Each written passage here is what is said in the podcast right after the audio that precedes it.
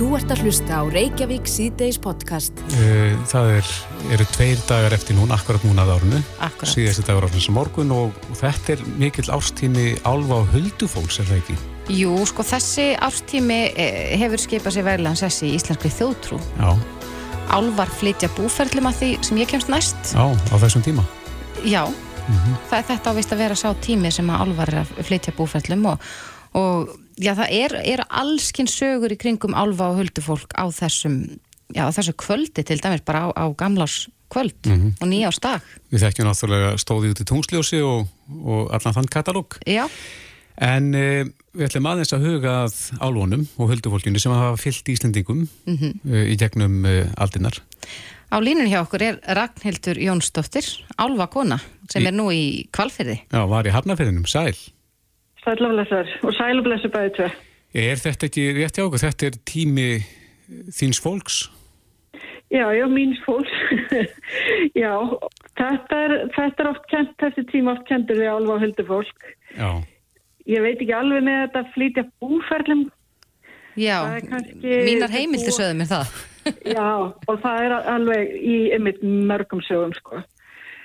Kanski að mín kenning er svo að það er bara sérst meira til þeirra á þessum tíma. Af hverju? Kannski í myrkrinu að þá sjáum við ljósin þeirra eða við erum meira kyrr kannski, eða í gamla dag, ekki í dag Já. á þessum tíma. Sko, ég var nú eitthvað aðeins að lesa mig til um þetta og þar segir að sko álfur og huldufólk eru mikið að ferðla á nýjársnótt og að það sittir siðs að láta ljós loga alla nóttina.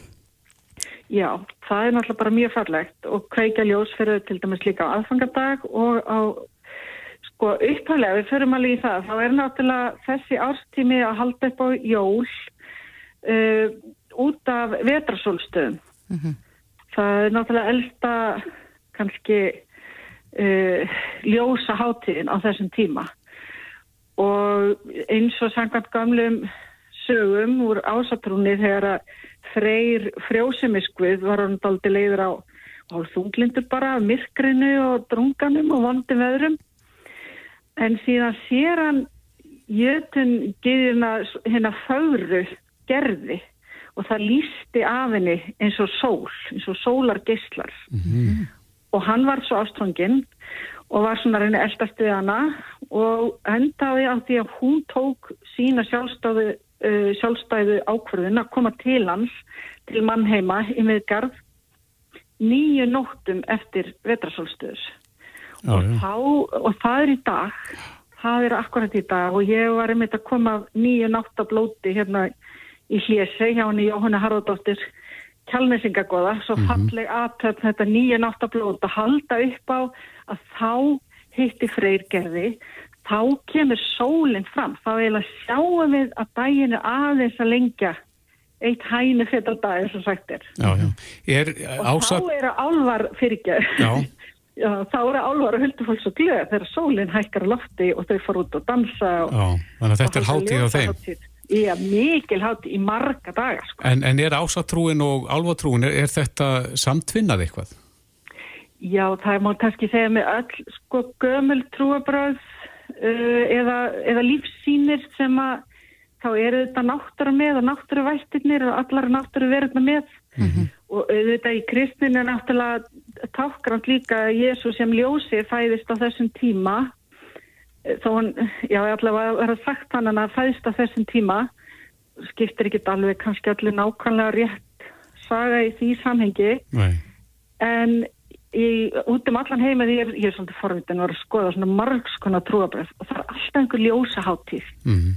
einhvers konar ljós sem við heldum upp á þessum tíma og hjá álfana þau halda og, og hulduverðnast þau halda upp á hátíð ljósins og þeim er allir sama hvað er köllin ljósi Já, já. Erst þú, Ragnhildur, í samstiftum við álfa og huldufólk? já, ég bý hérna innan um hellingaðin Og, og, og áttu samræður við þessar Já. Elsta vinkona mín er huldukona Já, og hvað ræði því? allt eins og bara við mennska vini mína bara hva- kaffi að te Og hvar hittist því? um, já, það er nú ímist í mínum heimi eða þeirra Já, og kannski bara eins og því yfir kaffepalla að fá okkur hérna og, og hekla eitthvað handa barnaböndunum eða Já. Eða þau hjálpa mér að gróðu sér til tré eða eitthvað. Já, það hljóma nú mjög vel.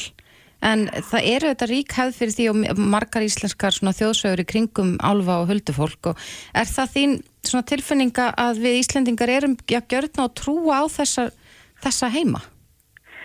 Já, við náttúrulega sko, erum svo, svo nátengt náttúrunni hvort sem okkur líka betra að verð. Mm -hmm.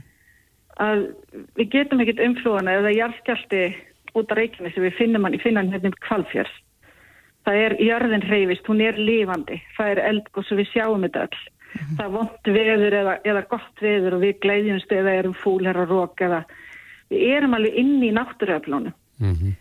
og ef við leiðum okkur að taka eftir í þannig við sjáum að náttúran er lífandi og eins og Íslandi geta setið út í móa og hlustað og það er þögn.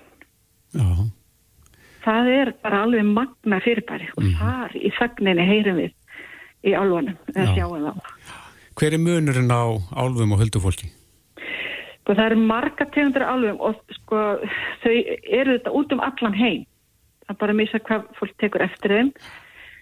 En þau, það eru verið út um allan heim og það eru svolítið mísjöfna gerð uh, eftir hvernig landslæðið er, eftir mm -hmm. hvort það eru skóarálvar eða eigðumerkur dvergar eða eitthvað sko. Og síðan er náttúrulega höldufólki sem er aldrei lík okkur og kannski já kannski aldrei lík uh, vönum eins og ég hérna tala um vani sem að uh, já eins og til dæmis freyr náttúru guðni sko Einmitt. En er þetta, fri, er þetta friðsamar verur? Yfirleitt er þetta það já mm -hmm. yfirleitt alltaf en ég hef sér óbáslega reyða alveg, alveg bara með áru sem er rauð og svart og Yfir hverju voru reyðir þá? Þá var verið eiginleika heimili sem að við hefum búið í, í gegnum eins og við myndum segja mannsaldra eða álfaldra eða og það myndi við nú kannski vera líka. Ef Já. einhver fær að brjóta nýjar heimilu okkar þá myndi mann kannski vera daldi. Og hvernig endaði það? Með sáttum. Ég tekja að mér stundum að fara ef fólk kallar í mig eða álvar að svona reyna miðla málum. Mm -hmm finna einhver aðra leið, það þarf kannski ekki endilega að brjóta þennan klett eða fara með veg hér yfir eða byggja hús akkurat þarna. Það er oft hægt að hlýðra aðeins til. Akkurat. Að allir getur verið sáttir eða tala saman. En það fylgir akkurat sömum af þessum þjóðsögum að, að til dæmis eins og í því sem ég lasa að, að á nýjársnótt væru einhverjir álvar sem að, að e, væri að flytja búferlum og þá byrja að vara sig á þeim. Já, á maður að vera sérstaklega varkar á þessum ástíma gagvart alfum og höldufólki? Já, sko þetta er kannski það sem að ratar í bækur er kannski svona svolítið eins og það sem að ratar í fréttir. Mm. yfirleitt neikvæðli þú veist sko ég sé að mér að dansandi úti og syngja og allir saman alveg óhina ólíkustu tegundu dverga og skessur og þú veist og allt þarna milli. Já í gleði yfir að ljósið er að taka yfir aftur. Mm -hmm. og allt fyrir að vaksa og, og fræin er að byrja aðeins að bæra á sig lengst og onni myrkrinu í moldinni. Mm -hmm. og reyna að syngja þarna líf inn í og síðan kemur þetta allt sem hann upp í vor. Það, það er þessi fegur sem ég er allavega að horfa á. Þetta er allt hitt til líka. Ég er heldur ekki að umgangast skilur einhver grimmaður hriðverkamenn sem við sjáum í frettunum sko. Nei. maður verður að velja sér líka Akkurat, en er einhver einn staður á landinu sem er svona sérstaklega mikil álfa byggð? Þetta er út um allt land, sko. Það hafa mm. bara sem er verið svona meira, eh, kannski náð fréttum um eitt, sko. Þess að átökinu gálgarsinni er eina krimónu þar, eina sem var handtekið þar. Mm -hmm. Reyna að verja álfa byggðina og fuggla svæði. Já. En sko það er náttúrulega nær frétti eðlilega en e, það er veist, í svona hraunum, í fjöllum og svo í þessum skóum og helst þessum gömlu skóum sem eru ekki margir eftir á Íslandi. Og það er rosalega mikið fjölbreytt líf. En svo sér maður líka í þessu nýju skóum þar sem hefur að gróðsetja alls konar tegundir saman. Og það er svo gaman að sjá ólíkar tegundir af skóarálfum og trjáálfum með svona ferís eins og það kalla sem að, og blómálum, allir saman ofuboslega ólíka tegundir mm -hmm. og allir svo sáttir og kátir með þetta Já, sko ég velti því fyrir mér, ég hef ekki enn séð álf, nýja huldufólk. E er eitthvað sem maður getur gert til að reyna að opna þessa vitt hjá sér? Já, já, við, að því við höfum þetta all einhverstað innra með okkur. Um, við þurfum að leifa okkur að finna innrabarnið og horfa með innrabarninu. Ég vil svo hættilega til, ég er ekki að reyna að auðlýsa sko, en einn vini minn uh, sem er rúmlega 900 ára, Álfur, hann skrifaði bók og ég fekk að gefa hann út í mannheimum. Já. Hún heitir Hvað þarf til að sjá Álf? Og uh, hún kemur bara með sölu aftur, hún er ekki núna, en hún, þar segir ég mitt sko að uh, eina sem að þarf er eiginlega bara sitja og hlusta opna hjartað og hleypa innra barninu út að leika Þetta segir 900 ára gammal vinnuðinn. já, Já.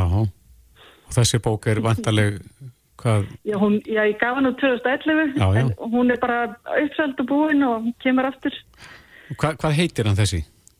hann heitir Fróði Já, já. Einmitt. Ég held að ég þurfa að næla mér í eintak þegar að- að bókin kemur út aftur. Já. já, En uh, þetta er ansið merkilegt, gaman að spjalla við um þessi mál, Ragnhildur Jónsdóttir, uh, Álvakona, kæra þætti fyrir takk þetta, ykkur fyrir takk ykkur fyrir og gleðilt ár gleðilegt ár. Og stilaði hverju til Álvana og Huldufólksins frá okkur. ég ger það, ég Bless. er að lappa hérna byggt út í móa til þeirra Já, Ok. takk, takk, bless. Bless. Þú ert að hlusta á Reykjavík síðdeis podcast. Við erum svona að sigla, erum að loka sprettum á þessu ári. Já, má segja það. Um þessum myndir er bara í dag, uh, þegar að eitt ári liði frá því að sá fyrsti var bólusettur hér á Íslandi. Já, COVID. já, er það í dag? Ég held Þú veist að það. segja mér fréttir. Hvort það var í gæri eða dag á Já. morgun, en allavega um þessum myndir. Akkurat, og við ekki mann svo vel eftir þessari tilfinningu þegar að sko fyrstu skamtarnir komu hingað Mhm.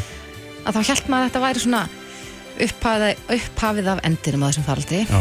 en hann er verið aðeins dreist á langin Einmitt og nú þegar að ári liðið að þá eru menn farnir að sjá ákveðna tölur svona hvernig þróunin hefur verið í þessum faraldri. Og uh, hann er búin að rýna í þær Björn Rúnar Lúðvíksson uh, læknir sem er á línu, kom til sæl Já, komið í blæsluð.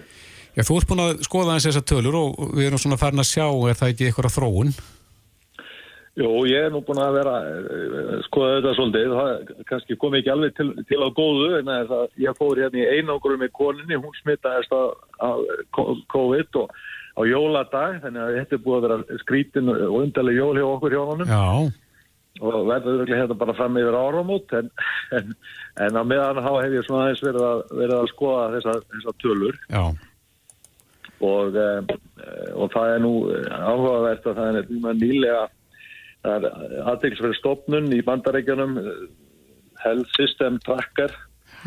Og, og þau eru svona non-profit samtök sem að er að skoða svona heilbriðsgögn og tölur og árang, árangusvísa mhm, og þau reiknuðu það núna út að eh, á sex mánuðum frá júni til november í bandarækjunum hefðu, bó- ef, ef að fólk hefði sitt bólusetningum tilmjölinn stjórnvalda þá hefði hægt að spara, þá hefði sparast 13,8 biljónir dollara. Það er ekkert öðruvísi.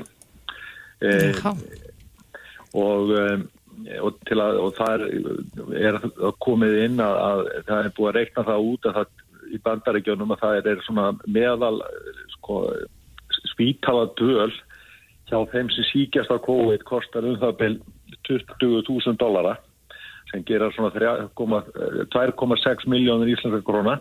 Mhm, og, um, og núna eru ef við maður skoða, skoða núna gögnin sko fyrir bara, nú, bara núna síðustu vikuna bara þar til í, í, í gær um, um innlægtir á, á landsbítalan og horfið á tölunar varðandi bólusett og óbólusett að þá er, er munurinn uh, slá- sláandi það er allt, allt uppbundir nýfaldur munur á innlægna tími þeirra sem eru sko óbólusettir með þá sem eru bólusettir.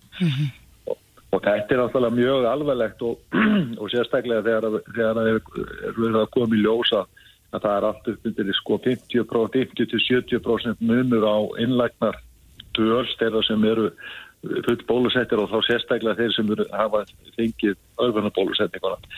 Þannig að þetta er þetta umreikna þetta íslenska tölur og uh, ef að við hefum ekki farið í þetta prógram uh, sko nú hafa umhverfið 27.000 mann smittast frá því að þessi farandur hófst mm -hmm. og það hefur verið rétt um, rétt, uh, um 600 innlægnir á, á spítalan á að þetta hefur verið, verið mikið álag en það hefur verið sko farið algjörlú böndunum. Við höfum hérna á Íslandi við höfum komið alveg ótrúlega vel út úr þessu. Við höfum staðið þetta verulega vel og, og, og það er náttúrulega bara mörgum að þakka. Eh, þessum viðbröðum sem hafa verið í gangi eh, sótarnir eh, fólk náttúrulega almenningur í landinu hefur staðið sem eindaðum vel með að taka þátt í bólsetningum mm.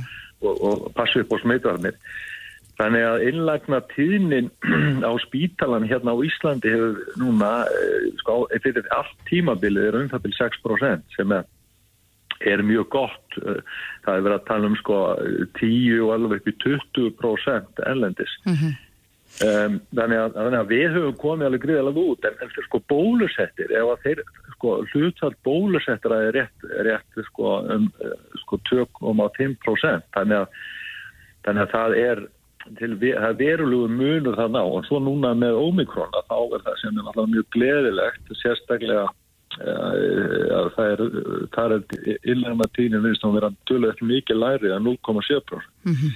þannig að þetta er alltaf réttir átt og, og, og það er sko að langstæstum leiti að þakka sko þessu flotta bólusetningaprógrami sem var farið á stað. Og svo náttúrulega ekki gleyma hinnu að, að það er mjög flott eftirlit hjá á COVID-19 og fylgst mjög náið með fólki sem er lasið og, og greipur nú er byrjað að grípa inn í þannig að þeir sem eru áættu að þeir fá jáfnvel fyrirbyggjandi liv og, og sem dregur enn frekar úr sko illegatíðin þannig að, mm -hmm. þannig að ég held að, að, að við tó að stafa sér alveg núna með allar fjölda smita og þá miða við allt að þá, þá verður við að hrósa happi yfir því að hvað þetta hefur gengið vel sko, heilt yfir. Akkurat. En Björn Rúnar, maður verður uh, var við já, ymsar upplýsingar á netinu og, og það er nú frekar nýlegur fréttamiðl sem að já, hefur deilt ymsum upplýsingum í, í tengslum við COVID-faraldurinn og, og uh, meðal annars það að nýgengi smita sér tölvöld herra hjá full bólusettum en óbólusettum og að, að já, það sé meiri líkur á því að smitast ef maður er bólusett, nei, sérst, já, full bólusettur. Hefur þú áhyggjur af slíku tali að það sé verið að, ég er raun og verið að tala gegn bólusetningum? Já, auðvitað er það eh, sko slæmt þegar að verða að halda sko raungum upplýsingum af fólki og, og staðreindan er ekki látnar sko njóta sín og, og þess að það er mikilvægt að að, að við öll og þið náttúrulega líka fjölmjölunir hjálpir að, að, til þess að miðla sko réttum niðurstöðum og réttum tölum. Eh, það hefur ítrekka komið í ljós að smittínin hjá bólusettum er, er markvallt minni heldur en hjá óbólusettum. Í fyrsta lagi og öðru lagi er einlegandatínin markvallt minni og svo sko dánatínin sko ennminni. Þannig að, þannig að sko bólusetningar herrferðin hérna heima. Að ég get algjörlega fyrstir þá ég hef verið að reikna þetta svolítið núna. Að sko að lámarki höfum við komið í vekk fyrir svona cirka 1500 innlagnir á, á þessu tímambili og ég held að það sé mjög varlega áherslu ég hugsa að rauntalan sé meiri nætti að vera 3-4 Mm -hmm. og ef, ef við setjum þetta þá í krónur, eh, íslenska krónur, þá hefur þetta sko sparað samfélaginu sko að lámarki fjóra til átta jæfnvel sko 12 miljardar íslenska króna. Þannig að, að allt talum það að, að bólusetninga virki ekki og, og, og séu hættulegar að, að það, það er náttúrulega bara stænst enga skoðun. Nei, gögnin sín annað. Gögnin bara, alveg sama hver skoður gögnin. Það, það komast allir að og niðurstu og, og tölum er alltaf mjög, mjög að sama með, með sömu vikmörkum þannig að, þannig að ég viðstöðunar eh, er ótýrðaðir og, og sem betur fer að, að þá eins og í tilfelli sko konunar að þá vorður hún upp á það að vera missan hérna, hérna á jólunum og, og, og það er í sjálfu sér allt í lagi. Eh, vegna þess að þetta voru ekki nema teiri að þrý daga þess að hún var, jú, svolítið illa, illa lasin, hún var það en en, eh, en er núna nánast orðin fullt frísk og, og, og við bara býðum á okkur það að, að, að klára sótkvíðina. Já, hefur þú slappið sjálfur?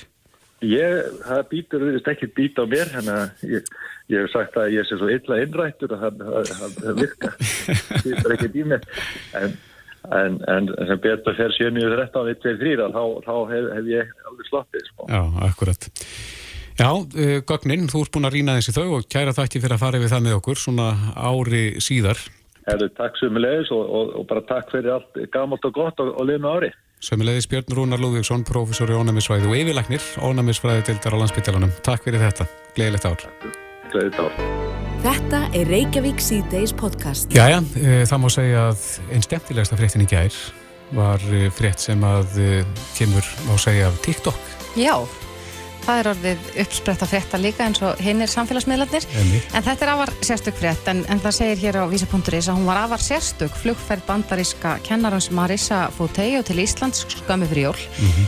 í miðju flugi tók hún COVID-19 heimapróf sem reyndist jákvætt og ákvaðum því að einangra sín á klósetti flugvélarinnar til þess að freysta þess að vernda aðra farþega. Já og hún tók þetta upp og hérna, skrásetti þetta með TikTok mm -hmm. ferðina og síðan eftirmálana líka En hún átti bara ekki eitt aukatekki orði yfir velvild flugfreyju sem var um borðið þessu flugi og sá um hana, nánast frá aðtilu.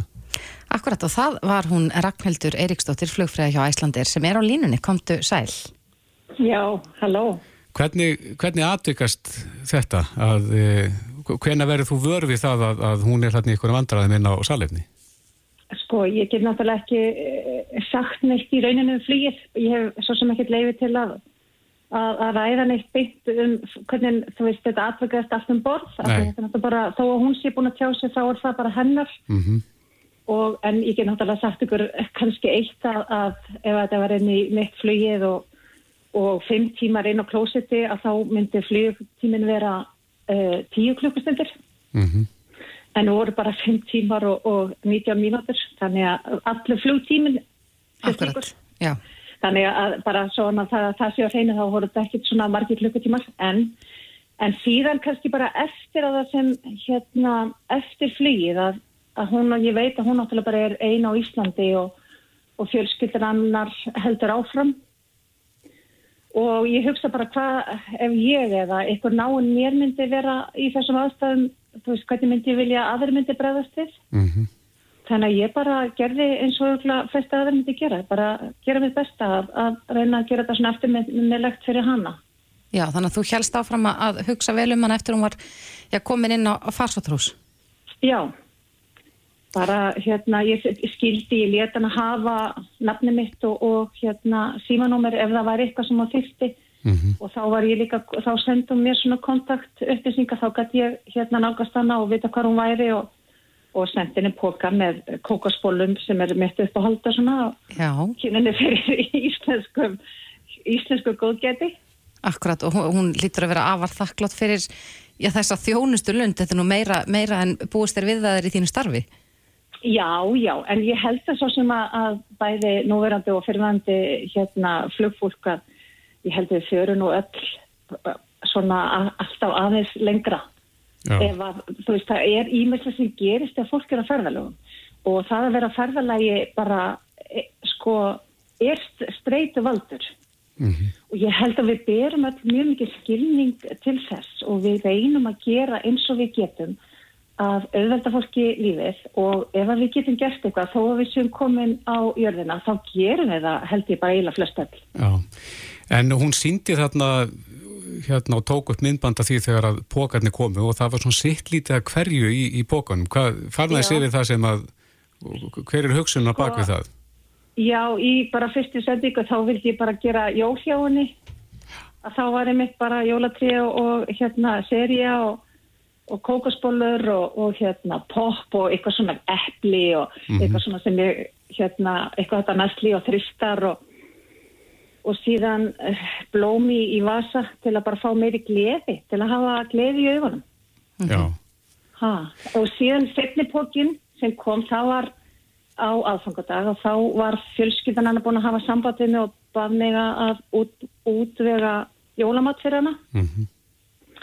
og við fórum á Vox og sóttum hérna mat Hvað það hún? eftir eitt ég held hún hefði fengið nautakarpatsjó uh, einhverja reyndir að steika eða eitthvað og súklamus Já, já, maður sá það nefnilega á sko, TikTok myndböndunum hennar, hún var ekkit sérlega ána með matin á farsáttrúsinu. Nei, ég, nef, ég, sko, ég var ekki búin að sjá neitt á TikTok. Ég hafði ekki hugmynd um þetta fyrir en og hún sendi mér þetta í gæs Já, ég hafði ekki hugmynd um neitt þannig að, en síðan sko var öll áhöfnin sem við bara settum saman í póka, við settum öll lítinn pakka í hérna póka, og því var bara öllu pakkað inn svona þannig að hún fekk nokkra pakka frá allir áhöfninni það var ekki ég eina sér, það var bara öll áhöfnin sem sendi mér jólagjafir já. En Ragnhildur, það hlýtur nú samt að vera einstæmi að eh, einhver takir svona heimapróf um borð í flugvél og, og greinist jáurinn smitaður þarna um borð. Er eitthvað sérstakar ráðstafanir gerðar, hvað var þar hina farþegana eða áhöfnina eftir flugið? Já, já, það er allt sem er bara, þú veist, ég get ekki endilega að fara beint út í það, en það er allt bara blöð sem við tökum upp og lesum og, og, og sem við náttúrulega búin að kynna okkur sem bara, við erum alltaf í, hérna, eilífri svona endur mati og, og það er alltaf að, þú veist, ef, hvað ef þetta gerist og hvað ef hitt gerist, þannig við erum alltaf undirbúin fyrir allt svona. Já, en þitt að starf hlýtur var að hafa breyst töluvert mikið á síðustu tveimur árum eftir að, að já, þessi heimsfaraldur skall á. Já, sko það er náttúrulega þegar ekkit var að fréttum borðin nema að við vorum hérna öryggisverðir mm. og vorum ekki með neina þjónustu og þá náttúrulega var þetta svolítið öðruvísi, þá náttúrulega voru engin tengst beint við farþegana þegar við, að því voru náttúrulega aldrei auglítist til auglítist en núna er þetta, þú veist, ég bara finn engan mun í rauninni og Nei. þetta er í dag. Jú, við erum með grímur og við veitum alveg að grímurna það taka náttúrulega í burtu svolítið mikið sko hvernig við notum, eða við áttum okkur hvað við notum mikið andlitið. Já, að- akkurat. En uh, ef, að, ef að svona kemur upp í flugi, við erum ekkert að að tala um þetta tilfelli, en svona almennt ef að, ef að síking kemur upp í flugi, er þá salernið svona hugsa sem einangrun? Nei, ég ekki kannski. Nú kannski ekki margir aðri staðir sem að getur svona loka sig af allavega. Nei, en þetta náttúrulega fer svolítið eftir og við, ég bara fór í það, eða við fórum í það áhöfnin að hérna, færa til farþega til að, að það væri að koma í sæti sko. Þannig að þetta var bara, við gerðum þetta allt eins og í bókinni sko. Já, var hún síðan bara í sæti í, í lendingu? Já, já, já, já. Já, svona Alveg öryggisástæð. vel það, já, já, já, já. En að, eitt kannski aðeins og rétt í lokin, eh, hvaðan kemur þetta nafn Rocky? Um, ég var uh, skiptinum í bandaríkjanum og, og þá var hérna, þú veist, ég þurfti náttúrulega að segja nöfn allra hinna þarna úti og, og, og þannig ég mér fannst bara alltaf lægi að þau myndi segja nafni mitt sem er ekki beint auðvöld, Ragnhildur. Nei, Þangatur eitthvað tveir vini mínir komið með nafni já, og þetta er alveg orðið 35 eða 7 ár síðan og þetta hefur bara verið nafni mitt. Ég kynni mig alltaf á þegar ég kynni mig á erlendu tungumáli. mhm. Þá kynni ég mig alltaf sem Rocky og finnst ég heita það ef mikið að Ragnhildur. Já, skemmtilegt. Þannig já, En e, e, þetta við vætið náttúrulega mikla aðtegli og erlendi fréttamillar hafa blandast í máli. Hefur verið, hefur verið ringt í því mikið af erlendu fréttastofum? já, ég er hans búin að hafa, hérna, þeir eru búin að hafa sambandið mig og þið eru einaðum um hefnu sem en annars, sko, mér vantar ekkit ykkur að fræð, sko. Nei. Þannig að, að ég hef ekki verið að, hérna, endilega að, að veita viðtöl en, en ég alltaf tala við hérna, CNN í, í setna í dag. Já, já. En sér þið fyrir uh, Ragnhildur að vera áfram í sambandi við hana Marísu vinkunuðina? Já, ég hef auðvitað þegar næst bara þegar hérna, Æslandir ákveður að senda mig til Chicago og þá mun ég að sjálfsögðu hitt hana. Já. Það sem hún býr þar og, og ég mun hitt hana hérna núna á morgun eða hinn eða eitthvað. Var Ísland ekki áfangastæður ætlaði hann að fljúa áfram? Nei, hún var að fara áfram og, og fjölskyldumæðlimir sem hún hafði ekki verið í sambandi við. Hérna, hún bara hitti þau á flugvöllunum þar sem við vorum að fljúa frá. Já, já. Þá hérna, fyrst fengu þeir að halda áfram en hún er að hitta þá núna á Íslandi. Mhm. Þetta er frábært, skemmtileg saga og ekta jólasaga, myndi ég nú segja. Og Já, Hittir við vel erum inn í bara jólin. öll að reyna að vera- betri mannesku, það er ekki það sem máli snýstum. Akkurat. Ragnhildur Eiríksdóttir, eða Rocky, flugfræði hjá Æslandir. Kæra þakki fyrir þetta og gleðilega hátti og gleðilegt ár. Já, sumulegir. Reykjavík síðdeis á Bilginni podcast. Það bárust nú nokkuð góðar fréttir í dag. Já. Byrjaði kannski á, á frekar slæmum fréttum að það var mjög laung byð eftir niðurstöðu úr PCR sínatöku. Alltaf 72 klukkustundur í einhverjum tilvikum. En uh, Þórólfur ringdi í Kára Stefánsson og baðum aðstóð og ekki í fyrsta sinn. Nei, En Íslensk erðagreining hefur á nýjan leik tekið að sér greiningu á sínum innanland út af álægi. Kári Stefansson er á línunni, sæl. Þú ert svona bóngóður. Ég held að við séum mettið sérstaklega bón góð. Þetta er bara tölvar mikið sorg í samfélaginu og það er ekki ásættilegt að þurfa að býða í 72 klukkustundir eftir svona niðurstöðum Nei, og e, það er eftir sérstaklega góðar frettir að það skulle hafa þurft að leita til okkar því að nú er heilbyrðskerfi búið að hafa alltaf tveimur árum eða 22 mánuði til þess að aðlegast þessari pest og hefur ekki gengið betur en þetta. Í, og ég, ég sjá þessi stíl ekki almenlega hvernig stendur á því að við erum komin að þannig stað vegna þess að það er ekki það flótið verk að stipulegja svona stímun þannig að, að sjúkrahúsið ætti að geta staðið undir þessu en það sem að svo var ekki þá þótti okkur alveg sjálfsagt að hlaupi skarðið og uh, við byrjum í morgun já, já. og ég rekna með því að við stílum niður stöðum samdags. Já, en uh, að því að við erum nú á ákveðinu tímamótum, uh, það er bæði ár síðan að það var byrjað að gefa fyrstu bólefnaskamtana og, og svo erum við að nálgast áramótin, svona hvern, hvaða mat leggur þú á þetta ár þegar það kemur að faraldrinu? Mér finnst þetta hafa gengið að mörguleiti mjög vel. Það hefur gengið vel að bólusetja. Íslandingar hafa, hafa tekið flestir þátt í þessari bólusetjar herrferð. Sá hópur sem vilja til að bólusetja sér mjög lítill og í, kannski svo lítill að ég er svolítið hissa á því en, en uh, það er mjög mikilvægt í okkar samfélagi sjálfsagt að leifa fólki að hafa alls konar skoðanir á hlutum eins og bólusetningu svo framins og, og þessi minni hlutahópur hefur fengið tækifæri til þess að tjá það skoð. En, en eh, bólusetningin er yfirleitt almennt séð í að mér finnst sko mikil sigur þess að það var til bólöfni gegn þessari veiru á öskumum tíma. Og svo þau veiti ekki fullkomna vörð gegn smiti þá er ég að þau mjög vel gegn sjúdómi þannig að þeir sem eru vel bólusettir þau tala nú ekki um þeir sem eru þrý bólusettir eru með bísna mikla vörð gegn því að verða illa lasnir í töluvert mikla vörð gegn því að síkja þau smítast almennt en mér finnst þetta allt hafa gengið bísna vel mér finnst í sérstaklega í heilsugjastlan í Reykjavík hafa staðið sér mjög vel í að stipulætja þessar bólusetningar. Hún hefur staðið sér mjög vel í sína tökku. Í það eina sem er að gefa eftir svolítið er, er spítalinn. Mm -hmm. er uh, veirufræði rannsnastofn á sjúkrúsunu og þar vinnur mjög gott fólk. Þannig að það er ekki það er ekki hægt að gaggrína, ekki hægt að kjærna því fólkstís sem þar vinnur. En hvernig þetta hefur gengið. Það er einhvað sem er að í stjórn spítalans sem að ég bara stíla tjámiðlega. Akkurat. En Kári, hvaða, ef, ef þú svona, ef við hugsaum aðeins um stjórnmálin, nú hafa viðbröð við kórunu verið faraldurinu verið já, allskynns og, og já, mögulegi þeirra verkarhing líka skipulegja betur þannig að spítalinn reynilega ráði við til dæmis sínatökuna. Hvaða engun gefur stjórnveldunum í þessum efnum? Ég gef ríkistjórnunni almennt mjög háa engun fyrir, fyrir það hvernig hún hefur brúðist við þessu. Í, mér finnst einhverjulega að, að vissuleiti hallatölverð mikið á, í, á e, stjórnendur innan spítalars á læknastjættina.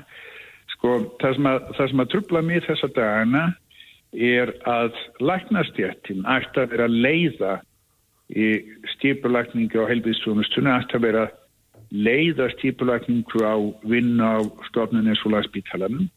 Mér finnst læknastjættina vissuleiti hafa brúðist og það á meðal annars rættu sínir í því að landsamtök lækna hafa stípulækti fyrst og fremst klassísk stjættafélag frekar heldur um fagfélag. Það er raunverulega alveg út í hött að, að lækna skul ekki koma meira að því að stípulækja vinnunni innan helbiskerfisins. Þannig að ég held að Ég held að, að jú, ríkistjónin hefði gett staðið sér betur, hún hefði gett að sett meira fjegi í hefðismálinn, en ég held að það sé rétt sem ymsir ráþærar innan ríkistjónarinn að hafa verið að segja upp og síkast að það þurfi meira til hættum um fjeg, það þurfi að endur stípulökja starfið frá að til öð. Og það er dapurlegt. Það er dapurlegt eins og að tárum tatja núna tveimur árum eftir að að þessi pest hefur borist til Íslands þá geti þjóðarsjúkrahúsið eftir séðum greiningu á, á svona sínum og þetta þurfa að lenda í, í, í fangjuna á lögbrjótum nýri Vasmíri. Það er að vísa til persónuvendalaga. Barataðin við persónuvend, hvernig gengur hún? Í, við erum ekki neitt stóri barat við persónuvend. Persónuvend hagaði sér eins og við svona segja að persónment hefði verið einstaklingur þá hefði ég myndi segja hún að hafa sér eins og bjáni í, hún eh, komst, komst að þeirri ákvörðun að við höfum brotum lög á þeirri fórsendu að sóttvarnarleiknir hafi ekki vitað hvað maður að gera til að sagði við höfum verið að hlúa á sóttvarnum og persónment kosti að þeirri niðurstæði höfum óskum beðanfallega verið að vinna vísindaransóknar gann okkar sem er náttúrulega gerðsamt út í hött mm -hmm. En þú skrifaðir akkurat, uh, já ég raun og veru ferð fram á það að ríkistjórnin fordæmi ákvörðun persónuvendar. Hefur fengið einhver viðbröð frá ríkistjórnin eftir að þú ritaðir þetta bref? Nei, ég hef ekki fengið neyn viðbröð frá ríkistjórn sem ég skrifaði þetta bref. Og um, en sko ríkistjórnin þegar hann fær svona áskorum þá leitur hún náttúrulega til öffræðingar sína og, og uh, síðan þarf hún að taka pólitiska afkvörðun og um, ef ríkistjóðnin getur eftir stuttuð batið á okkur í þessu þá finnst mér nú heldur vesöl vegna þess að hún er margóft búin að byggja okkur um að sinna þessu starfi af síðasta ári þegar við vorum að vinna þá vinnu sem að persónvenn komst að ákvarða þegar væri, væri glæpur. Mm -hmm. Ég, ég rekna með því að ríkstjórnum komið til með að koma einhvers konar stuðningu eða myndi stanna ólíklegt. Einmitt. En Kári, svona því að við erum á þessum tímamótum, uh, tveir dagar eftir af þessu ári, þú eru að kikið í kúlina og, og spá fyrir um næsta ár, svona varðandi gengi faraldusins og baráttunum? Sko, mér sem á flestum öðrum hefur gengið heldur eitthvað spá fyrir um hegðum þessara veiru, hún er dalt til daldi ólíkenda tól en mér finnst einhvern veginn eins og þessi núarendi bylgja sé einhvers konar byrjun og endinu mm. þessi veiran búin að stökkbreytast að því margt að hún er orðin mjög smittandi en veldur eftir eins miklum skada eins og hún gerði áður en ég er ekki tissa þó að þessu litjengt til mannum mitt ár þessi faraftur er búin en, en áður en maður getur farið að, að spá fyrir um af, af einhverju viti þá þarf maður afla sem er í gagni heldur með hugum núna. Og við ætlum að byrja strax í næstu viku að að stíma úr, úr slembu úrtækju sjóðinni eftir mótefnum þess að það er eina leiðin til þess að kanna römburlega dreifingu veirunar mm -hmm. og ég hefði á tilfinningunum og fleiri að veiran hafi farið miklu víðar heldur með sérst bara á, á stímun eftir henni sjálfur. Við verðum að stíma eftir mótafnum en þess að einstaklingurum þó hann smittist þá losar hann síg við veiruna og nefnkvot hjá svona tveimur vikum þannig að PCR-prófun koma út negatív þó sem henn hafi smittast. Ég er ekkert mála að greina milli og sjá hvort að fólk hafi smittast eða hafi mynda bólefni, Bólu... nei hérna mótefni vegna bólefna bóluefnin vetja ekki mótefni gegn öðru heldur en S-prótininu þessu eðjekvitu efni sem bindur frumuna, nei, veiruna við frumulíkamans. Mm -hmm. Þegar smittast af veirunni sjálfri þá myndast tölvöld mikið mótefni gegn öðrum eðjekvitu efnum eins og njúkli og kapsid eðjekvitu efninu Þannig að við, okkur finnst mjög líklegt að það sé tiltölu auðvelt að greina þar milli. Já. Nú hefur verið frekar mikil pressa á sóttvarnarleikni að, að stitta einangrun enkjana lítilla og lausra. Uh, hefur þú skoðun á því? Mér finnst einhvern veginn eins og það verði mist og kosti að, að velta því sér, fyrir sér mjög alvarlega.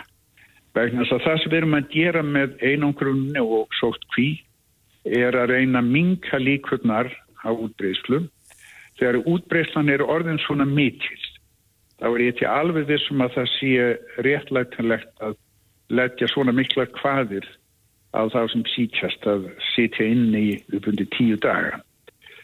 Ég, ég held að það hljóti að fara að verða vel þess virði að, að hittja að stittri einhverjum tíma. Ég, ef ég mann rétt þá er, er, er CTC eða, eða stopnun í bandaríkjum sem sér um, um, um sótvarnir og að leggja til að þetta sé stittnir í fimm dagar þar þannig að við finnst full, full ástæði til að skoða þetta hér hjá okkur. Já, að fara þá nýri fimm eða, eða láta sjö næja? Það er nýri fimm daga. Já, einmitt. Já, Kári Stefansson, fórstjóri Íslenskar erðagreiningar. Við segjum bara kæra þætti fyrir samfélgin á þessu ári og að við erum að duglega að svara okkur og hlustnendum. Kæra þætti fyrir, fyrir þetta og, og fyrir spjallið. Takk fyrir árið og gleðilegt nýtt ár. Gleðilegt ár. Reykjavík síðdeis á Bilginni podcast. Við erum búin að vera í smá svona yfirferð, má segja. Já. Yfir árið. Lítum auksl. Lítum auksl og við ætlum nú að halda því áfram á morgun líka. Já, já. Lítum auksl í Reykjavík árdegis en já, fastegna markaðurinn er búin að vera svolítið á allra vörum allt þetta ár. Mm -hmm. Mikil áhrif, já, kórnuveru faraldur sinns og svona það sem hefur hann hefur leitt af sér eins og vaksta lækkanir og annað slikt og húsnaði nánast uppselt aldrei verið færri eignir á skrá og... Einmitt, og við höfum hérta fólki sem að er beinlis að sapna eignum Já. sem að gera það verkum að fólk að erfitt með að koma sér inn á markaðin aflegumarkaðinum. Akkurat, það var akkurat frétti í kjarnanum bara núna fyrir örfáum dögum síðan það sem var talað um að 453 einstaklingar og lögæðalar á Íslandi Já. eiga fleiri en 6 íbúður Já. þannig að það er greinileg einhver að sapna. Akkurat, en svona til að gera fastegnamarkaðin upp og árið þá höfum við fengið til þessu okkur Pál Pálsson, fastegnarsala hjá 450 fastegnarsölu. Komdu sæl? Sæl Já, ef þú ættir að taka fastegnamarkaðin á þessu ári saman í eina setningu, hvernig myndi hún hljóma? uh, góð spurning. Ég átti ekki vonað þessa spurningu. Erfið spurning. Uh, þetta er, hann er búin að vera svolítið svona, uh, hann hefur komið óvart, ef ekki orðað þannig. Hvernig þá? Uh, sko það er allt sem bendir til þess að uh, það sé um met ár að ræða. Það er að segja, sko við miðum okkur oft við 2007 sko það sem seldust einhverjar 1270 eignir á mánuði. Það sem að er sko sem nýtt tölum þá er, er um 1344 eignir að seljast á mánuði á þessu ári. Mm -hmm. Þannig að auðvitað desember tölunum ekki komnar en með sínist allt bendir til þess að, að það hefur aldrei selst eins mikið af fastegnum eins og þessu ári Þannig að þú ert að tala um fjölda þinglistra kaupsamninga. Já, já mm -hmm. yfir allt landið og mér -hmm. sýnist að vera svona sko árið 22, eða sko 2020 það var ár sem að var næst besta árið fyrir utan 2007 það er að segja það er að segja svona margtækjar mælingar reyndar eru menn alltaf tala um 2004 ég tala nú í þjóðskráði morgun og þeir eiga ekkit mjög svona tölur sem að þetta er að taka mikið mark á frá þeim tíma en, uh, en það er allt sem bendir til þess að þetta verður með þetta á mm -hmm. í sölu með þingist á kaupsanningar sko. Já, en Pál, hver er staðan núna? Það er nú ekki langt síðan að við tölum við þig og hefum heyrt líki fréttum að, að það bara séu bara nánast engar eignir á skrá. Er það eitthvað að skána? Nei, ingangurinn ekki lýsir þessum raun og veru mjög vel. Það eru já, svona hafa verið svona jafnaður svona 6-800 eignir inn á markaðunum, þar af kannski 60-80 nýbyggingar uh, til þess að markaðun haldur svona eðlilegu jafnvægi, við séum ekki að sjá svona verðrýsting til dæmis eins og hefur verið á þessu ári, að það þurfu að sjá svona um 2500 eignir inn á markaðunum og þar af kannski 6-800 nýbyggingar og við sjáum það ekki nær framtíð, þar að segja að við tölum kannski um næstu 12 til 18 mánuð ekki mikla breytingar á því, bara Nei. því miður. En þróun fastegna verðs á þessu ári? Sko, hann hefur hækkað, ég held að hann muni enda eitthvað starf bílunum 16-17%, hann hefur hækkað um 16,2% það sem afir árinu, fjölbíl hefur hækkað um 15,3% og sérbílin hefur hækkað um tæp 20%. Og þetta er einhver meðalhækkun upp á 1,5% mánuði en stæðsti, stæðsti hlutin þessar hækkun var fyrir hluta árs. Sem dæmi sko þá hækkaði fasteinamarkanum 3,3% í marsmáni og hann hefur aðeins verið að gefa eftir svona setni hluta árs. Mm. Þetta er bara aflegging þess að það eru fleiri að berjast um færri egnir. Já, það er staðist ástæðan, það er bara skortur, hefur verið skortur. Það hefur ekki verið byggt í takti við eftirspurðina. Nei. En eh, við nefndum hérna áðan þessa úttekt í kjarnanum, það sem að kemur fram að, að þessar egnir sem eru þó lausar að þær eru að sapnast á færri hendur. Er það eitthvað sem að þú hefur á tilfinningunni líka og hefur tekið eftir? Já, alveg klárlega, vegna þess að fjárfestingakostir eru ekkit rosalega margir. Þeir sem eru með lausa fyrir að þeir hafa ekkit rosalega marga kostum, jú, menn geta farið með þetta á hlutabræðamarkaðin, menn raun og veru er að tapa peningum með að vera liggja með henn á bankareikning vegna þess að verðbólgan er, er um kringum 5%. Þannig að uh, eðlilega þá hefur hafið þessi peningar verið að leita inn á fasteinamarkaðin Já. Og ég er búin að vera mjög varfið það að fólk er að, og líka þessi hugsun bara að, að byggja sér upp lífyrirsjöði gegnum fastegnin Mhm. er, er svolítið svona er svolítið hugsun sem er sérstaklega yngra fólki, hún er mjög algeng finnst manni, Já. við sjáum það yfir 30% af þeir sem eru að kaupa fastegnin í dag eru fyrstu kaupendur. Akkurat. En Pál, nú vitum við það að fastegnverð hefur rokið upp. Mun, mun það halda áfram að hækka? Er of sent núna að, að fjárfesta í, í steipu til þess að sinn? Nei, það sko allir greiningar aðlega að spá svona 7-10% hækkun á næsta ári. Ég sjálfur reyndar spá örlíti yfir 10%. En þetta er kannski 0,5 til 1% á mánuði sem að fastegnum munu hækka á næsta ári. Í staðan fyrir 1,5% sem gerist á þessu ári. Og, uh, og, og sko og þannig að raun og veru munu hækka en það raun og veru frá með september svolítið halda bara áfram, vera svolítið á þessu bíli 0,5 til 1% á mánuði. Þannig að hérna, en það er raun og veru aldrei og seint að komast inn á markaðin. Þetta er um- mjög algeng spurning og allir fastegna kaupendur eiga það sameiginlegt á þeim tímapunktur sem að þú kaupir fasteign. Þá ertu raun og veru alltaf að kaupa á hæðsta punkti. Síðan hefur fastegna verið hækkað meðaltali tæp 10% á ári frá aldamótum. Þannig að hérna... Þannig að það er eftir mikla líkur því að fastegna verði lækki, að fólk tapi á kaupunum. það er ekki allavega, það er engin að spá því auðvitað veit maður aldrei. Auðvitað kom raunlækkunandi kringum 2000 og eftir hrunið 2008 til 2010 en það var mjög fljótt að jafna sig. Þegar það var áður svona fastegningkreppa var 92 til 94 þá tók fastegna verið eitthvað svipan tími eitthvað svona tvö ára að jafna sig. En ef það verður verðlækkun þá yfirleitt það sem að fólk gerir upp þá bara situr það eignunum sínum og býður aðeins. Já. Já, þetta er áhugavert, en, en eh, eigum við vona á mörgum nýjum eignum inn á markaðin á næsta ári? Það er alltaf verið að tala um að sé verið að byggja hér og þar? Já, sko samtök einar eins og þeir sem að halda utan með talninguna ennþá, þeir og veru lappa, veru bara að ganga mill og telja. Þeir eru að spá því að það kemur veru minna inn að nýbyggingum inn á næsta ári heldur en þessu ári. Akkurat, að Þannig að- skorturinn mun vera eitthvað áfram.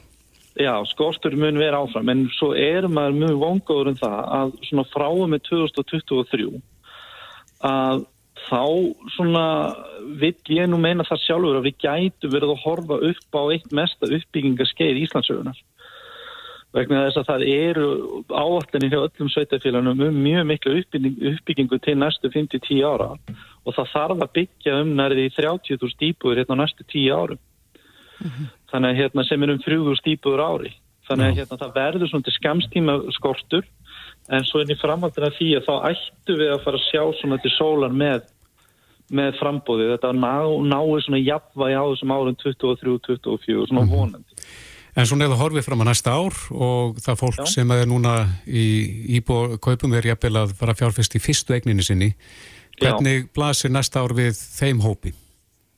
Fyrstu vel, já, sko, það er náttúrulega eina, svo náttúrulega bankanur er ennþá spá vaksta hækkun, en hún var náttúrulega til þess gerð að, að tempra eins niður verðbólguna, en, en uh, þetta er raun og verið satt að sama saga með fyrstu kaupendur og það borgar sig að býða ekki, að ég mæla alltaf með því að því fyrst sem þú kemst inn á markaðin fyrir betra, vegna þess að það getur verið dýrt að býða líka. Mm og við höfum með þessi að teki held ég við þrjú teki þessu um nákvæmlega þessu umræð áður.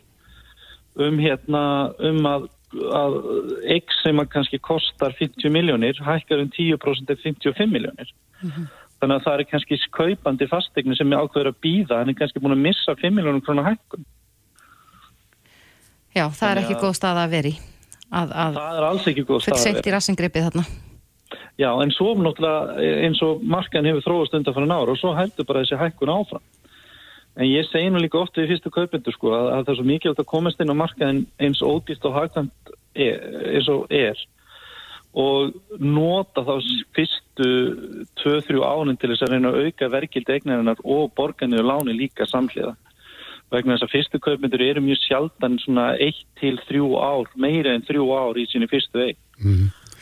Svona í, í þeim kaupum sem að þú hefur uh, séð um, uh, veistu hver stiftingin er á lánunum, uh, verðtrygt, óverðtrygt? Það er lang, lang, lang flestir að taka overtrykt í dag og það er lang flestir að taka og festa vextina sína. Já, akkurat. Og það er allir aðeinar að hvetja til þess þó ég get alveg verið smá persónulega og sagt að ég er ennþá sjálfur með breytilega vexti og ég einhvern veginn er aðeins að hanga því vegna það er ódýrari kostur en það er meiri áhætta sem fylgir því Akkurat. að vera með breytilega vexti. Já, Pál Pálsson, fasteignasali hjá 450 fasteignasölu. Kæra þakki fyrir að renni við markaðinn á þessu ári og kíkja eins vann í tíman með okkur. Kæra þakki fyrir spjallið. Takk fyrir þetta og gleilt ár. Gleðilegt ár.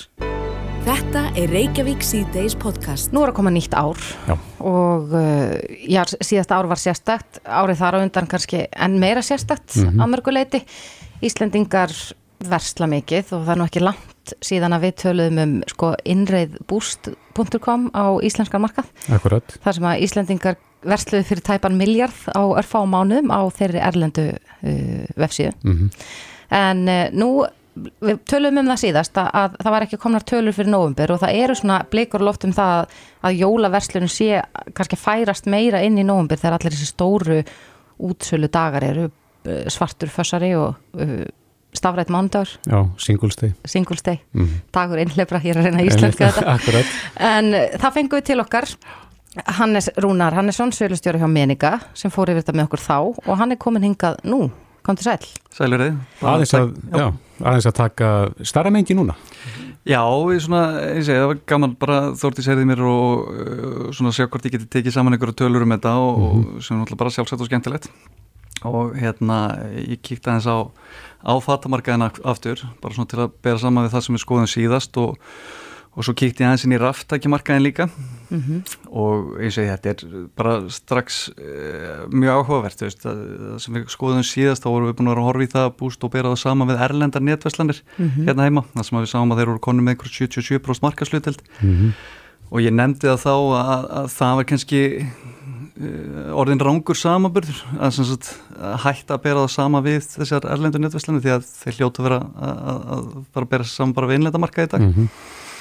Og þegar við skoðum nógumbertölunar að, þá er það alveg klart að sem þeir heldur bara sambarilegri markasluteld í sambari við þessar erlendu netvæslanir bara um það byrja 77% e, nema kannski það sem er svona stórmerkilegt þar er að e, sem sagt, e, árlegur samburður sem nógumber 2021 í samburður 2020 á þessu markaði, takmarkaða ekst um 163% milli ára. Já.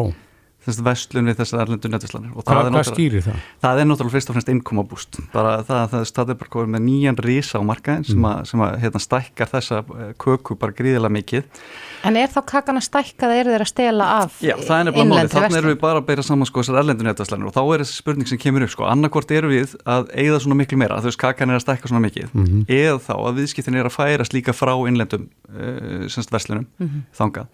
Þannig að ég ákvaða að, að taka þetta saman og, og, og tók semst að 20 innlendar verslanir, bara blöndu af innlendum netverslunum og, og bara þessum stóru spilurum á markaðinum, H&M eða Lindex eða vera móta eða, eða bara hvað sem er, þú veist, mm -hmm. þessi Sara, þú veist, það sem er hérna og, og það er náttúrulega bara alveg ótrúlega að sérst í e, november að þá er markaslutil búst í samanbyrju með, með 20 e, innlendum verslunum mm -hmm. orðin 36% Jaha. og það er, það er 36% ég var að hugsa um bara 36.000 krónur af hverjum 100.000 krónur sem við erum að eigða í fataverslunum að þessum, þessum allir þessi stóraðalar með er að renna til búst Þannig að þeir eiga rúmlega eitt þriðja af bara heldar markan. Ja, í nógumver allavega, sko. Mm -hmm. Þú veist, núna, og þú veist, þeir eru náttúrulega, þú veist, ennþá, þú veist, ungir á íslensku markaði, þú veist, mm -hmm. ung vestlun, þú kom bara inn núna í, hérna, í byrjun júni. Mm -hmm. Þannig að þetta er alveg ótrúlega hátala svona og þú veist, og ef við skoðum þessu sko ánbúst, þú veist, ef við tek búst út úr jöfninu og skoða bara þessa 20, þá er enginn þeirra sem nær 20% markaslutild, þú veist, inn, í innri samkjafninu sinni, þú veist, það Já. er bara mikið dreifingarna og þú veist, náttúrulega sumar minni og aðra stærri og, og nokkra sem að, sem að nálgast alveg 20% en, en það er engið sem að nær 20% en svo setjum við bústinn í jöfnuna og fáum alla þá veldu inn hana líka að eins og þá, þá er búst með 36% markaslutel sem er, sem er alveg hérna ótrúlega. Ætli, ætli íslenskir verslurum hann séu svona skjálfanda beinunum yfir, yfir þessar innkomu? Ég þau eru, bera sig allavega vel, við erum svona séð í einhverju vitulum að þú veist að hérna, einhverju einhvern tilum getur þetta náttúrulega haft þau áhrif að vestlun sé bara aukast bara allstaðar sko, mm -hmm. en ég held að sé alveg ljóst einlega að fatavestlunni eru í samkjöfnu við búst alveg sama hvort það segir það út af við eða ekki, mm -hmm. þú veist að þarna er bara eru vörumerki sem er verið að selja inn þetta vestlunum og alveg klártmála að þetta er, þetta er samkjöfnu við þennan markað þannig að hérna og það er til dæmis kannski sérstaklega áhört að sjá bara að um, ef við skoðum það sem samanbörð þú veist, nógumber í ár á móti nógumber í fyrra mm -hmm. og það hvort að kakan er að stekka bara eða hvort við erum að vesla meira að í þessum samanbörð það sem við erum þess að 20 innlendu veslanir í, í samanbörðu og búst með að þá er 33% vöxtur uh, í heildarveltunni á, á milli ára. Eins og er þegar ég tek búst út að þá er 15% samdráttur. Jáhá þannig að við hórum bara á innlendu veslunar mm. þannig að veist, þetta er náttúrulega að meðaltali fyrir 20 veslunar, það er sumar geta að fara verðutur og aðra betur mm. og, og, og þú veist þannig að mm. maður er ekki að hengja neitt á því að þú veist vonandi er bara veslun og aukast í innlendu veslunum sem flestum, en, -hmm. en enga síður, ef við skoðum þessar 20 veslanir þá er 15% minni sala uh, á innlendu veslunar en við hórum á 33% vöxt þegar, þegar búst kemur en búst náttúrulega var ekki fyrir þannig að öll sala þeirra er rauninni ný yeah. En ef við færum okkur yfir í aðra geira, eh, ráttækin? Já, uh, ráftækin, það er, uh, það er svona áhverð að sjá þess að ég bjóst við einhvern veginn meira. En, uh, en það er sem sagt sko, núna við horfum á nógumber og oktober, afsakið, að þá sem sagt e, oktober 2021 á mótið oktober 2020 mm. þá er rauninni samdrátt um, um semst 10% það er mingar rauninni salan um, um 10% melli ára. Þannig er ég með bara svo að það setja ekki fram að það tók ég 10 sem sagt svona leiðandi hérna sögulega á, á, á ráftækjum og í nógumber dróst nú saman um 7,5% Er fólk að færa þessu ráftækjum yfir í född? Kæftur mikið ráftækjum 2020? Já. Já, en það er, það er, sé, það er ímislega, það er margar sögulínur í þessu og margt sem hægt er að skoða en veist, þetta þýðir ekki að það sé einhver samdráttur þannig að þessu fyrirtæki þurfa að hafa einhver áökjur eða eitthvað Nei. þannig, heldur kannski líka að gera þetta mikið til kynna sko Sumar af þessum, veslunum hafa verið að gera betur í netveslun, mm -hmm. það var bæta netvesluninu og stækka og það byrjaði fyrra. Þannig að, að þú veist, í fyrra vorum við mjög harða samkomi takmarkanir í oktober og nógumber þannig að veslunum gegn net hérna, jógst og fólk hefur að klára þessar veslun á þessum tíma. Mm -hmm. Þú veist, við erum eitt og hálft ár inn í þetta núna og fólk var kannski aðeins orðið afslappaður og það voru ekki sömu takmarkanir inn í veslunum, ég veit ekki, þú veist, það, það er svo margt sem getur haft þarna áhrif sko. En, en svona yfir árið að þá er samt aukningi heldin á markanum með 14,2% þú veist á, á þessum tíu veslunum þannig að mm -hmm. það er sölu aukningi yfir árið en það er svo, svo hérna e, sem sagt áhört að sjá sko þú veist það er samt hérna 60% meiri sala í janúar og februar 2021 í samanböru í janúar og februar 2020 ja. þess, þarna er vöxturinn á árinu og það sem að gerist þessast munun liggur þarna í því að janúar, februar 2020 er prí Sest, fyrir COVID, fyrir COVID þannig að, að, að þú veist, janúarsalun er miklu miklu meiri ráftækja en það, veist, það varð, varð aukning í sölu ráftækja eftir COVID hvort sem þá eru þú veist, bara töluleikir og tölfur og tölvurskjáir og fleira og fólk að byrja að vinna heima. og allt nákvæmlega, það veist, þannig, þannig að vöxturinn árinu kannski, þú veist, í árlegum samböru kom þetta alltaf framann á árið það sem við vorum að þú þessi eftir COVID heimur er orðin, þú veist, þessi, hann er meira rafvætur, hann er meira netvislina, hann er meiri raftæki og annað mm -hmm. og þú veist, þannig að það fór þetta, þetta fór strax allt í gang. Akkurat. þannig að þegar við tökum árlegan samböru núna, nógumber, oktober að þá voru að, þú veist, þá var sámarkarónu þróskaðari á saman tíma 2020, mm -hmm. þú veist, þannig að kannski munurinn ekki svo sami, sko. En, en sko, svo getum við líka hort bara í mikilvægi nógumbröð desember. Og ég tók það saman að, að, að sko 24% af heildaveldu ársins, náðast eitt fjóruði hjá raftekunum á sér staði þessum tveim mánum þessi, í oktober og já, veist, þessi tvei mánuður, þetta er náttúrulega eitt sjötti árunni, það er semst tveir mánuður af 12 sem eru 16,7% af árinu mm -hmm. en, en svara 24% af veldum. Þetta er líka mánuðinu sem að, er þetta ekki sá tími ársin sem að það, Apple er að gefa út nýja iPhone síma og þess að vera að kynna, kynna mm -hmm. til sögunar ja, ný ráttæki mm -hmm. og margir sem að eru býðar hennilega í rauðum eftir þeim. Nákvæmlega. Og það er eins og við sjáum samt sko, þú veist, desember er ennþá herri Já. heldur en þú veist, eins og ég með nógumber að þú veist Uh, hann er með hennar singlestegi og þennan dagur einhleipra og svarti fyrstagurinn og eða jáfnvel svarta fyrstagsvíkan eða mhm. hvernig sem það er orðið, þetta er orðið, orðið langu tími. Að hérna myrkir markastæður var það ekki, það var skemmtilegt. En hérna eh, enga síður að þá, þá heldur desember sér mjög vel í, í ráftækjaveslun Já. Já, það verður spennandi að, að sjá hvort að desember já, farið fram úr þessum nógumbur það eru alla líkur á því já, ég, ég myndi, já, já, ég myndi halda það. Og þú veist, núna erum við líka komað bara inn í enn tíma svona, þetta er alltaf skemmtilegu tími fyrir okkur. Þú veist, ég veit að morgun er þið með hérna, árlega uppgerið ykkar, svona, mm -hmm. þú veist, það eru farið yfir með hérna, morgun þáttu ekki mm -hmm. Þannig að hérna, núna þegar við komum í byrjun janúar þá erum við að vinna þessar árskíslur, þú veist, þá erum við að taka veist, þessar árskíslu fyrir alla markaði, þess að fyrirtækilegt til okkur fá, þú veist, bara geta valið sér, ég ætla að fá samböru við þessi sex fyrirtæki markaði og ég ætla bara að fá hvernig var síðast ár hjá okkur samböru hinn og við erum, við erum að vinna 20-100 þannig skísluna núna í janúar þegar gögni fyrir desember eru komin Akkurat. og þannig að við verðum með mjög mikið skemmtilegum gögnum bæði sem eru með bara beintinn á fyrirtæki marka og í, í sölu og annað en líka þá munum við vera að deila einhverjum, einhverjum svona fyrirtum inn í blogg og annað þess um svona hvað er að gerast á skyndibitamarkaðnum og, og bara svona árið í tölumdólti og þá kannski kikið eftir í heimsón. Já, Já, þetta er spennandi. Það verður skemmtilegt að fá þær tölu frá okkur. Hannes Rúnar Hannesson, sölustjóri á Menika. Kæra þakki fyrir komina. Bara takk hjálpa